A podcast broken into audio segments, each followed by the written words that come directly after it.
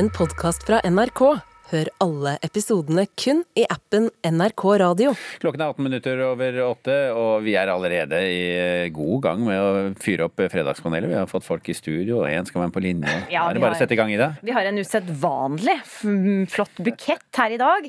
En som også har forsovet seg litt, men er løsningsorientert og er med oss på, på linje. Vi skal presentere dere i tur og orden. Eh, Først så har vi altså med journalist, forfatter Hilde Charlotte Solheim, velkommen. God morgen. Og så har vi debattredaktør i Avisa Oslo, eh, Ahmed Fawad Ashraf. God morgen. Og så har vi han som har synda litt, men som er altså eh, løsningsorientert. Jan Fredrik Karlsen. Han er, eh, som mange kjenner, manager og eventmann, får vi si. Hei, Karlsen. Ja, god morgen. Å, sorry, sorry, sorry. Det er så pinlig, men jeg skal love å være så god best jeg kan på FaceTime. Ja, det er bra. Det er bra.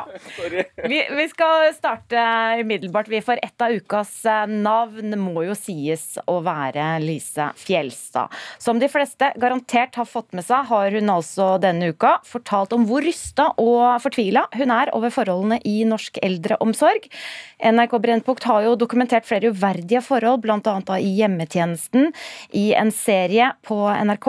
Og det har fått altså den 83 år gamle skuespilleren til å reagere og frykte for egen alderdom. Ja, det er jo livredd. Og jeg tror at det er veldig mange gamle mennesker er skrekkelig redde. Men jeg blir jo forbanna på helseministeren. Hun sitter jo med makt. Hun kan gjøre noe. Hun har mulighet til å gjøre noe.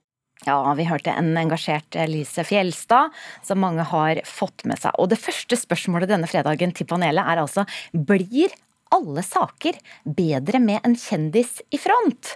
Hvis vi starter med damene, Hilde Charlotte Solheim. Hva? Ja. ja. Definitivt. Ja. Fawad. Nei. Karlsen? Altså 100 Hva da? Ja. Ja. ja. Ja. Fawad, skal vi begynne med deg, da, som var eh, som skapte litt friksjon i gruppa. Hvorfor mener du at det ikke blir det? Hør meg ut. Eh, Det er mulig jeg har tolket spørsmålet litt eh, annerledes. Eh, Generelt så syns jeg kjendisfetisjeringen i samfunnet og i mediene er er det for mye av. Det er lett å bli mett på den. De dukker opp stadig i, i nye konsepter, for meg mer og mer ukjent. Og så eh, kommer de ut når de skal promotere noe, lansere noe, eh, og er ellers ikke synlige i samfunnsdebatten. Bygge en bro til det Lise Fjelstad gjør. fordi det mener jeg er en veldig riktig måte å, å på en måte bruke sin plass og eh, plattform og status på. Skal ikke promotere noe. Eh, det vet ikke jeg. Kanskje hun har et stykke på Nationaltheatret eller et annet sted. I hvert fall ikke som ble sagt. Ikke, som ble sagt, Hun var jo på en forestilling i Larvik i går, som ble sagt i debatten. Men, men eh, det hun gjør, er at hun eh, har en evne til å sette ord på det veldig mange andre kjenner på. Usikkerhet, frykt og ubehag. Og hun formidler den råskapen på en hjerteskjærende måte. Og det setter jeg pris på. Så skal vi ikke glemme at det er mange flere Liljer på 90 år som sitter på sykehjem overalt og ikke har den samme tilgangen til pressen, eller som NRK ikke like ofte ringer for å få meningen. Men du mener bra i dette tilfellet med Lise Fjelstad. Generelt er det for mye. Yes. Hilde? Jeg er jo enig i det. Eh, Og så er det klart at her kommer en av dronningene eh, i norsk formidling ut, og så setter hun ord på det alle øh, føler. Eh, Og hun har ikke tråkket ned kanalene i Fire stjerners middag. Hun går på banen nå og oppsummerer en kollektiv eh, raseri og fortvilelse på en fantastisk måte. Eh, Jeg jobbet med en sak med samme raseri og fortvilelse, men på et helt annet område før jul. Da ville vi at eh, myndighetene ikke skulle drive og skyte reinsdyr på vinteren med helikopter, som ville være grusomt stressende for de. Eh, Og så sa Lotepus det samme som mange av oss andre hadde sagt. Og jeg så hvilken rekkevidde det fikk. At han gikk på banen og brukte sin status, og det var et godt faglig argument, men den rekkevidden. Så da tenkte jeg, selv om jeg også er superskeptisk til derre deler av kjendisdyrkingen, så tenkte jeg sånn takk Lotepus, du har reddet mange reinsdyr. Mm. Og Jan Fredrik Karlsen, du jobber jo med disse kjendisene. Eh, er en kjendis sjæl, får vi si. Ja, det, for noen kanskje. Ubetinga ja, mener du.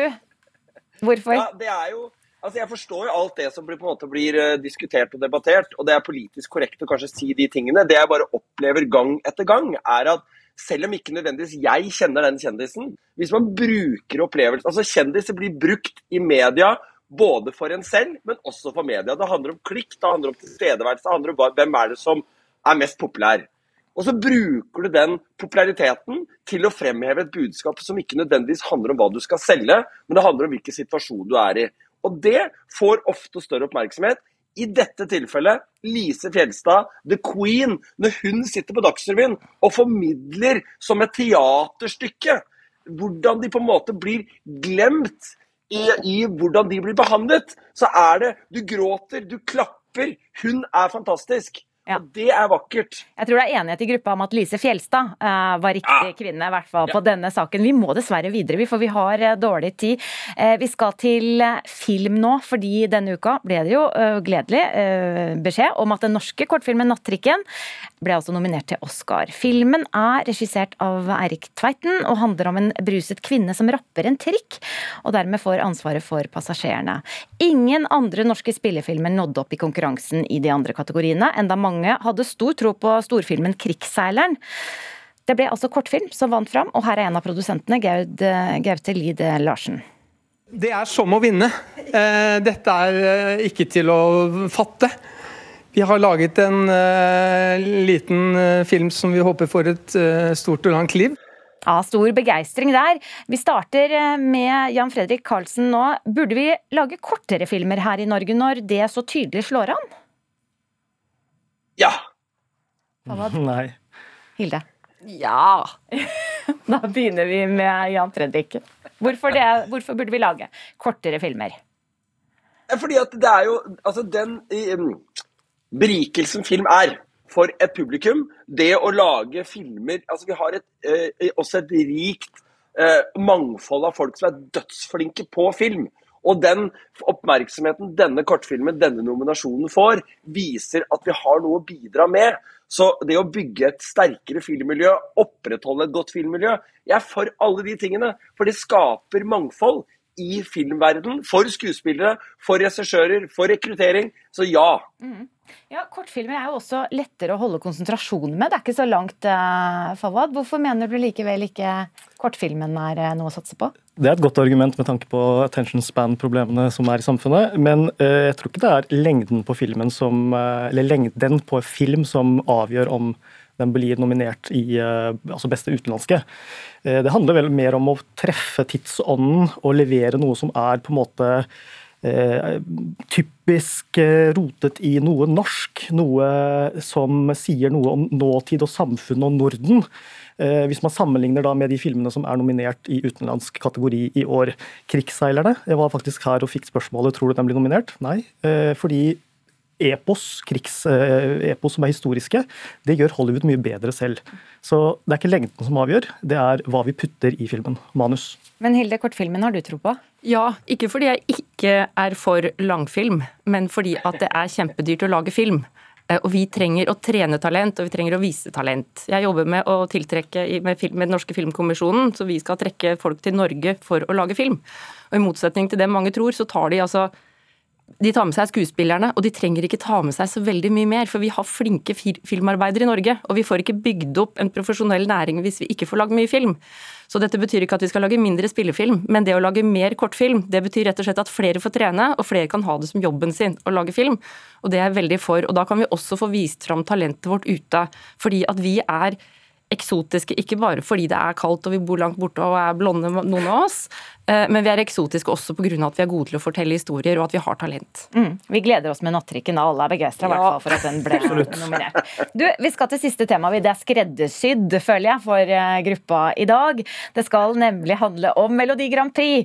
I morgen er det siste delfinale. Eh, finalen er da neste lørdag i Trondheim Spektrum. Og vi har jo vært igjennom to delfinaler til nå, og i morgen også den tredje. I hver delfinale så har det vært med artister som flere ganger tidligere også har deltatt og vunnet konkurransen. For å nevne noen, da. Kate Gulbrandsen, som vant i 1987, og Stig van Eijk, som er med i delfinalen i morgen. Han vant i 1999. Eh, Nå skal vi høre Kate Gulbrandsen fra 1987, og da kan du gjøre deg klar for allsang, Karlsen. Yes.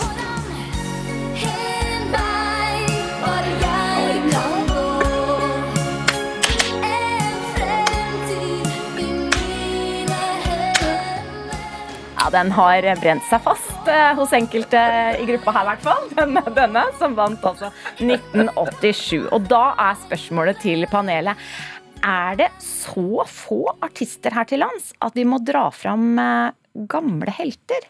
Favald? Mm, nei. Hilde? Nei, men det er moro likevel. Jan Fredrik Karlsen?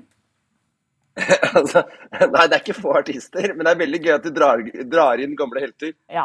Så ingen syns at det er for få artister, men at det er viktig å dra inn. Ja, Hvorfor, hvorfor er det viktig, Jan Fredrik Karlsen, du som er eh, Viktig er kanskje et veldig, veldig sterkt ord, men jeg føler at det å ta og hente inn gammel historie, god historie, og ta det med inn i den nye historien, er en del av det Melodi Grand Prix-universet er. Det handler om nytt og gammelt og gøy og rart og fint og unne og beundre og glede seg. Det er det Melodi Grand Prix er for det norske publikum, og da er det gøy å hente tilbake gamle storheter. Så nostalgi er viktig. Samtidig så vet vi at det er mange talenter der ute. Det kan vi jo se på fredagskvelden når vi ser på The Voice på TV 2. Det er jo så mange unge flinke. Hilde, burde ikke dem også slippe til, da? Ja, det bør de, og det gjør de. Eh, men så er det også sånn at de lange linjene Én ting er Grand Prix, historiefortelling. Det er på en måte vår felles norske kulturarv. Å sitte og hate Grand Prix eller, eller elske det. Men man kan også tenkes at eh, det er greit nok at man ikke skal ha en karriere på fem år, og så er man uaktuell. Jeg var så heldig at jeg fant hele historien om Grand Prix-seieren til Norge og fikk høre Hanne Krogh. Fy søren, for et proft og planlagt og strukturert opplegg hun la opp da hun skulle lage jentegruppe og vinne internasjonale finalen. Så det kan faktisk til og med hende at disse her artistene kan tilføre noe interessant, og at vi kan si at vi har en, vi har en inkluderende arbeidsliv hvor det går an å være artist også når du har blitt godt voksen. Det vil jeg slå et slag for da, som 50-åring. Nostalgi er viktig, Fawad, for deg òg? Melodi Grand Prix er uh, Champions League for de som ser på det. Uh, og det er nye helter, det er gamle helter. Uh, jeg skal vedde på at da Kate Gulbrandsen gikk på, TV, og når Stig van Eijk gjør det, så er det et eller annet sted i Europa noen som blir begeistret som aldri før og mister det, fordi de ser eh, artisten de har sett eh, tidligere. Og eh, jeg syns miksen av nytt og gammelt er eh, veldig bra. Eh, så ja til begge deler. Eh, jeg ble nesten litt sånn opprørt over spørsmålet. Klart, klart Stig van Eijk. Og jeg vil si, si en ting til Jan Fredrik Karlsen. Det er en artist som burde komme tilbake. Det er jo ikke du som er general nå, men du oppdaget henne. Margaret Berger må være med i Grand Prix igjen. Å, du, du er jo skikkelig entusiast. Det hører jeg. Er veldig bra. Ja. Ring meg i adresse Kiev eller London, eller hva dette programmet på NRK heter. Du kan i hvert fall rekruttere Fawad her, Jan Fredrik Karlsen. Jeg må spørre deg til slutt, da, som, er, som har god innsikt. Kan Stig van Eijk f.eks. vinne igjen? Jeg føler at Melodi Grand Prix har vist at uh, her kan hvem som helst i en eller annen form vinne. Ofte de tingene som du ikke mest forventer. Samtidig, Jahn Teigen, alle de låtene vi kjenner med Jahn Teigen, par av de vant jo han aldri Grand Prix med, f.eks. av Optimist. Men allikevel så var han uh, lagde han svære hits. Melodi Grand Prix skaper historie, er historie, og kommer til å fortsette å være det entusiastisk gjeng her, altså. Takk skal dere ha for oppmøtet, alle sammen. Også til Jan Fredrik Karlsen på, med hjemmefra, Hilde Charlotte Solheim og Ahmed Fawad Astraf. Takk skal dere ha. Vi var for enige i dag. Klokken er nå 30, ja, 08.32 straks, og Fredagspanelet har nå endelig forstått at nå er det jeg som skal snakke, og ikke de. Og vi har følgende saker i Nyhetsmorgen i dag. Ja, nye tiltak skal hindre kraftkrise. Strømeksporten skal bremses når vannstanden er lav, sa statsminister Jonas Gahr Støre på pressekonferansen om forsyningssikkerhet som pågår akkurat nå i snakkende stund. At både forbrukere og bedrifter nå begynner å få dårligere råd, merkes på omfanget av inkassosaker. Hos landets største inkassoselskap har antall inkassosaker overfor forbrukere økt med 13 det siste året, mens veksten er på hele 20% i næringslivet. Flere idrettsprofiler reagerer på at den norske utøverskomiteens leder Astrid Urenholt Jacobsen skal ha tatt til orde for å inkludere russiske og belarusiske utøvere under et møte med Den internasjonale olympiske komiteen. Og så kom nettopp uh, nyheten om at vi handlet uh, mindre i desember enn i november. Det er Statistisk sentralbyrå som la frem tall uh, nå på morgenkvisten. Nå har riktignok desember som regel vært en nedgangsmåned de siste årene i forhold til november, og mye fordi at folk er flinke til å kjøpe julegavene sine allerede i november. En av eh, lederne i ekstremistgruppen IS skal være oppsporet i fjellene i Nord-Somalia og drept av amerikanske spesialsoldater sammen med ti andre IS-krigere. Den drepte Bilal al-Sudani skal være den som hadde ansvaret for å skaffe penger til terroraksjoner i Afghanistan eh, og Afrika. Afrikakorrespondent eh, Vegard Kjørom, hva vet vi nærmere om det som har skjedd? Ja, nei, For to dager siden så gikk eh, amerikanske spesial, spesialsoldater til, til, angrep mot der de visste at uh, al-Sudani oppholdt seg. Uh, som da er akkurat uh, Eksakt lokasjon har de ikke oppgitt, men sannsynligvis er dette her i Puntland, som er et selvstyrt område nordøst i Somalia. og inne i et fjellrikt område der, der han skal ha hatt base.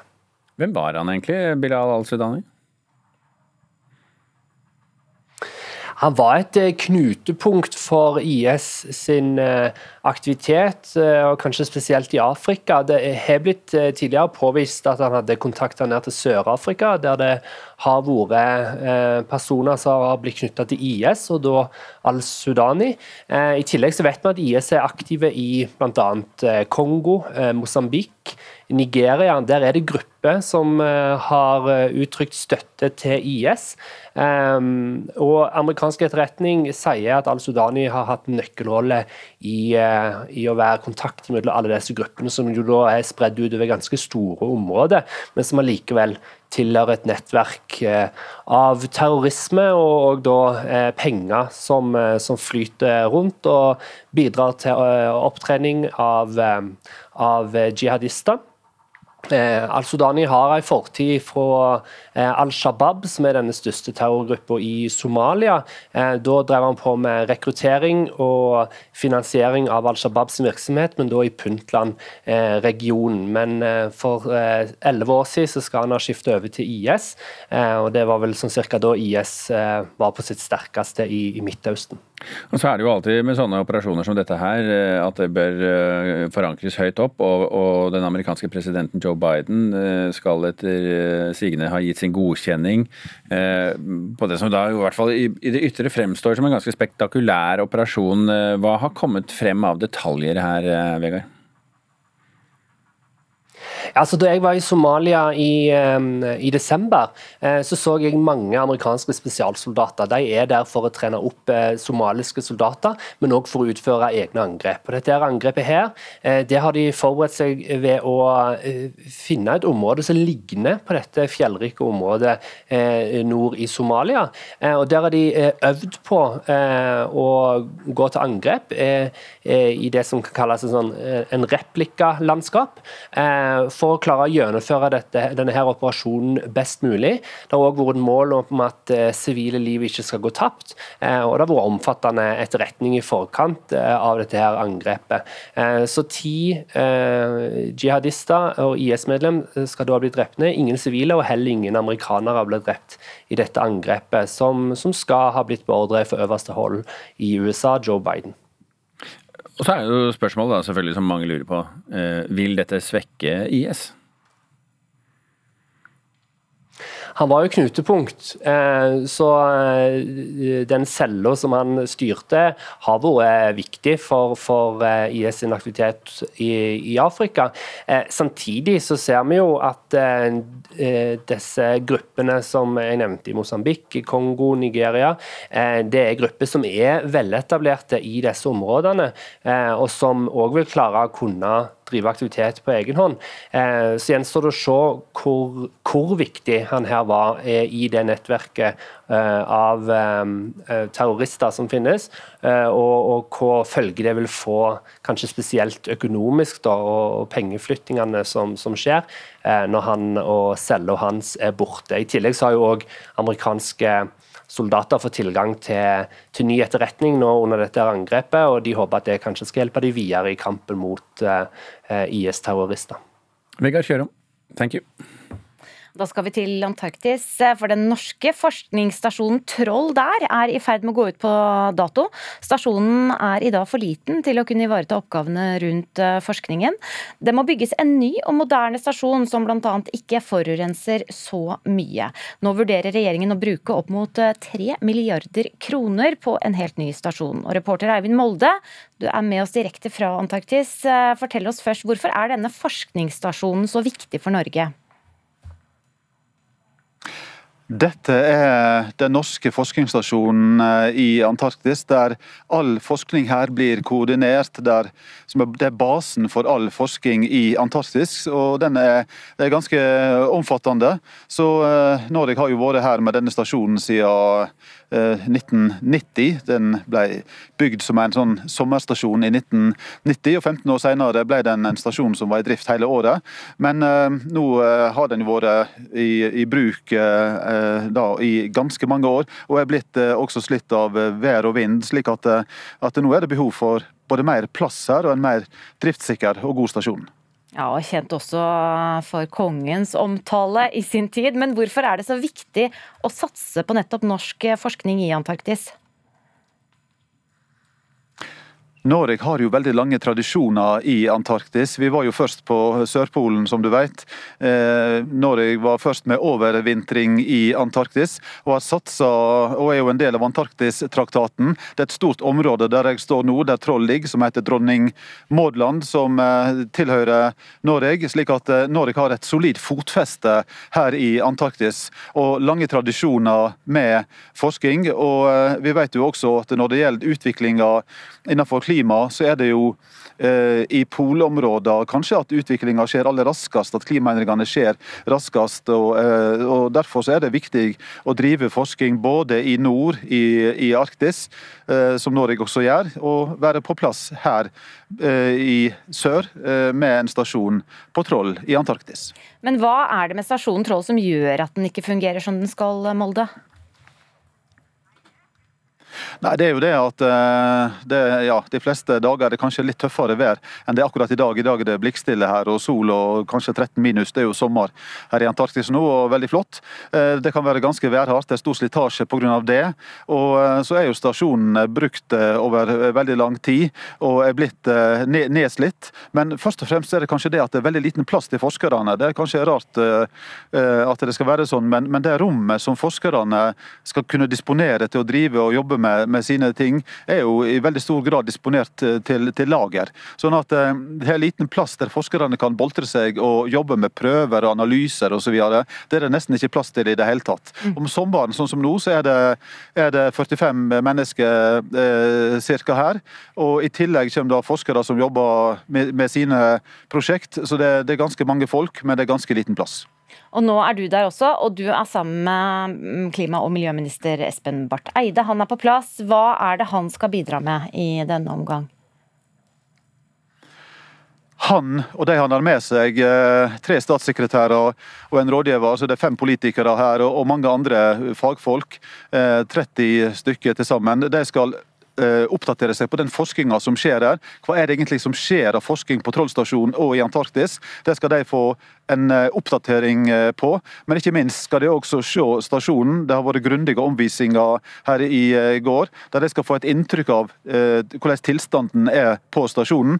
Og dermed kunne ha et bedre grunnlag for å vurdere hva som trengs av oppgradering her. Slik at de kan se dette med egne øyne og, ha et bedre grunnlag. Den avgjørelsen skal takes er eh, planen i løpet av første halvår. Statsbygg vil bygge en helt ny stasjon.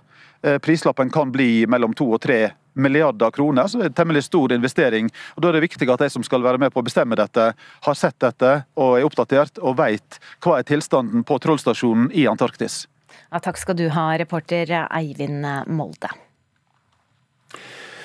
En del ukrainske flyktninger i Norge føler seg som en slags annenrangs eh, ukrainere her i landet. De oppholdt seg i et annet land Ukraina, eh, enn Ukraina da krigen brøt ut, og derfor så nyter de ikke godt av den kollektive beskyttelsen de fleste ukrainere får i Norge mens krigen pågår.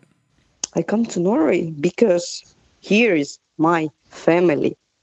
Jeg kom til Norge, for her har jeg familie, sier Natalia Bonder. Hun bor i Trondheim, og er en av 700 ukrainere som har måttet søke hver for seg om beskyttelse i Norge. De får ikke kollektiv beskyttelse som de over 30 000 andre ukrainerne, oftest fordi de var utenlands da Russland gikk til angrep på heimlandet. Det sier fagansvarlig Merete Gren Rommetveit i Utlendingsdirektoratet. Det er jo sånn at Ordningen med kollektiv beskyttelse ble besluttet for å raskt gi beskyttelse til personer som flykter fra krigen i Ukraina. Andrij Kostaschuk kom hit fra Qatar i mars i fjor, noen dager etter at mora hans flykta hit. Han venter fortsatt på svar på søknaden om beskyttelse. Det er veldig vanskelig å bare vente. Men UDI kan ikke si hvor lenge de må vente. Fordi eh, sikkerhetssituasjonen i Ukraina er flytende og usikker, og vi har ikke nok informasjon til å vurdere en søknad på individuelt grunnlag. Natalia er utdanna farmasøyt, like men får foreløpig ikke begynne på kursene hun må ha for å kunne bruke utdanninga i Norge. Hun sier at hun gjerne vil arbeide som farmasøyt, også fordi hun vet at farmasøyter er mangelvare her i landet. Andri bor på et asylmottak i Lyngdal, og sier at han skulle gjerne hatt de mulighetene som ukrainere med kollektiv beskyttelse har fått her i landet. De kan uh, gjøre noe, de kan skape noe. De kan ha utdanning her i Norge. Reporter her, det var Kjartan Røslett. Nå skal det handle om eh, film igjen. Den nye spillefilmen Munch har nemlig norgespremiere på kino i dag. Her skildrer regissør Henrik B. Dalsbakken fire perioder av Edvard Munchs liv, med fire forskjellige skuespillere i tittelrollen. Og NRKs kritiker Birger Vestmo kaller filmen et fortellerteknisk vågestykke. Navnet Herr Munch. Var det bildene de var ute etter? De tar vel bare alt jeg har lyst på. Regissør Henrik M. Dalsbakkens Munch er et fortellerteknisk vågestykke. Fire perioder av Edvard Munchs liv skildres ved hjelp av fire forskjellige skuespillere, en av dem Anne Krigsvold.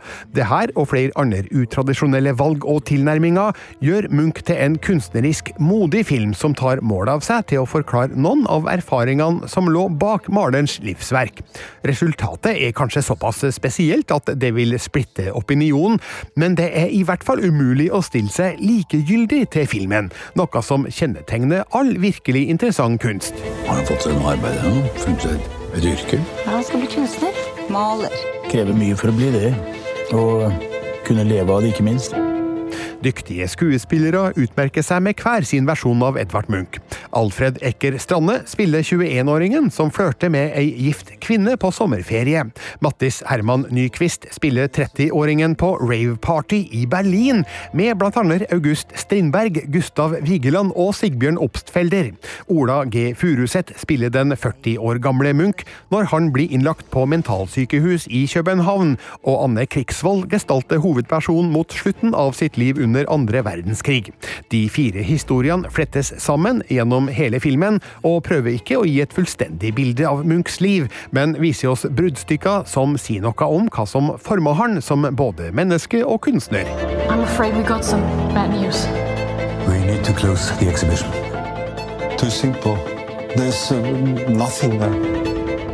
Anne Krigsvold er ikke den eneste uvanlige castinga. Svenske Lisa Karlehed spiller August Strindberg, mens Gustav Vigeland spilles av norsk-iranske Nader Kademi, noe som skaper avstand til tradisjonelle biografier. Filmen har òg andre spreke virkemidler, som at Berlin-delen utspilles i moderne tid, mens København-epoken er filma i gnistrende sort-hvitt i et smalt format. Manusforfatterne Fredrik Høyer, Mattis Herman Nyquist, Gine Cornelia Pedersen Pedersen og Eivind Sæter har dikta rundt kjente sannheter om Munch, med resultater som slett ikke virker helt usannsynlige, og med flere skarpe hint til det han senere skulle skape. Regissør Henrik M. Dalsbakken lykkes overraskende godt med sine ambisjoner om å gi oss kontrasterende glimt av hva som kan ha definert mannen bak kunsten. Hvorfor giftet de dem aldri? Jeg maler. Terningkast fem. Ja, og det terningkastet kom fra vår anmelder Birger Vestmo. Filmen har premiere i dag, og du kan lese mer om den og også se bilder, flere bilder på nrk.no anmeldelser. Du har hørt en podkast fra NRK. Hør alle episodene kun i appen NRK Radio.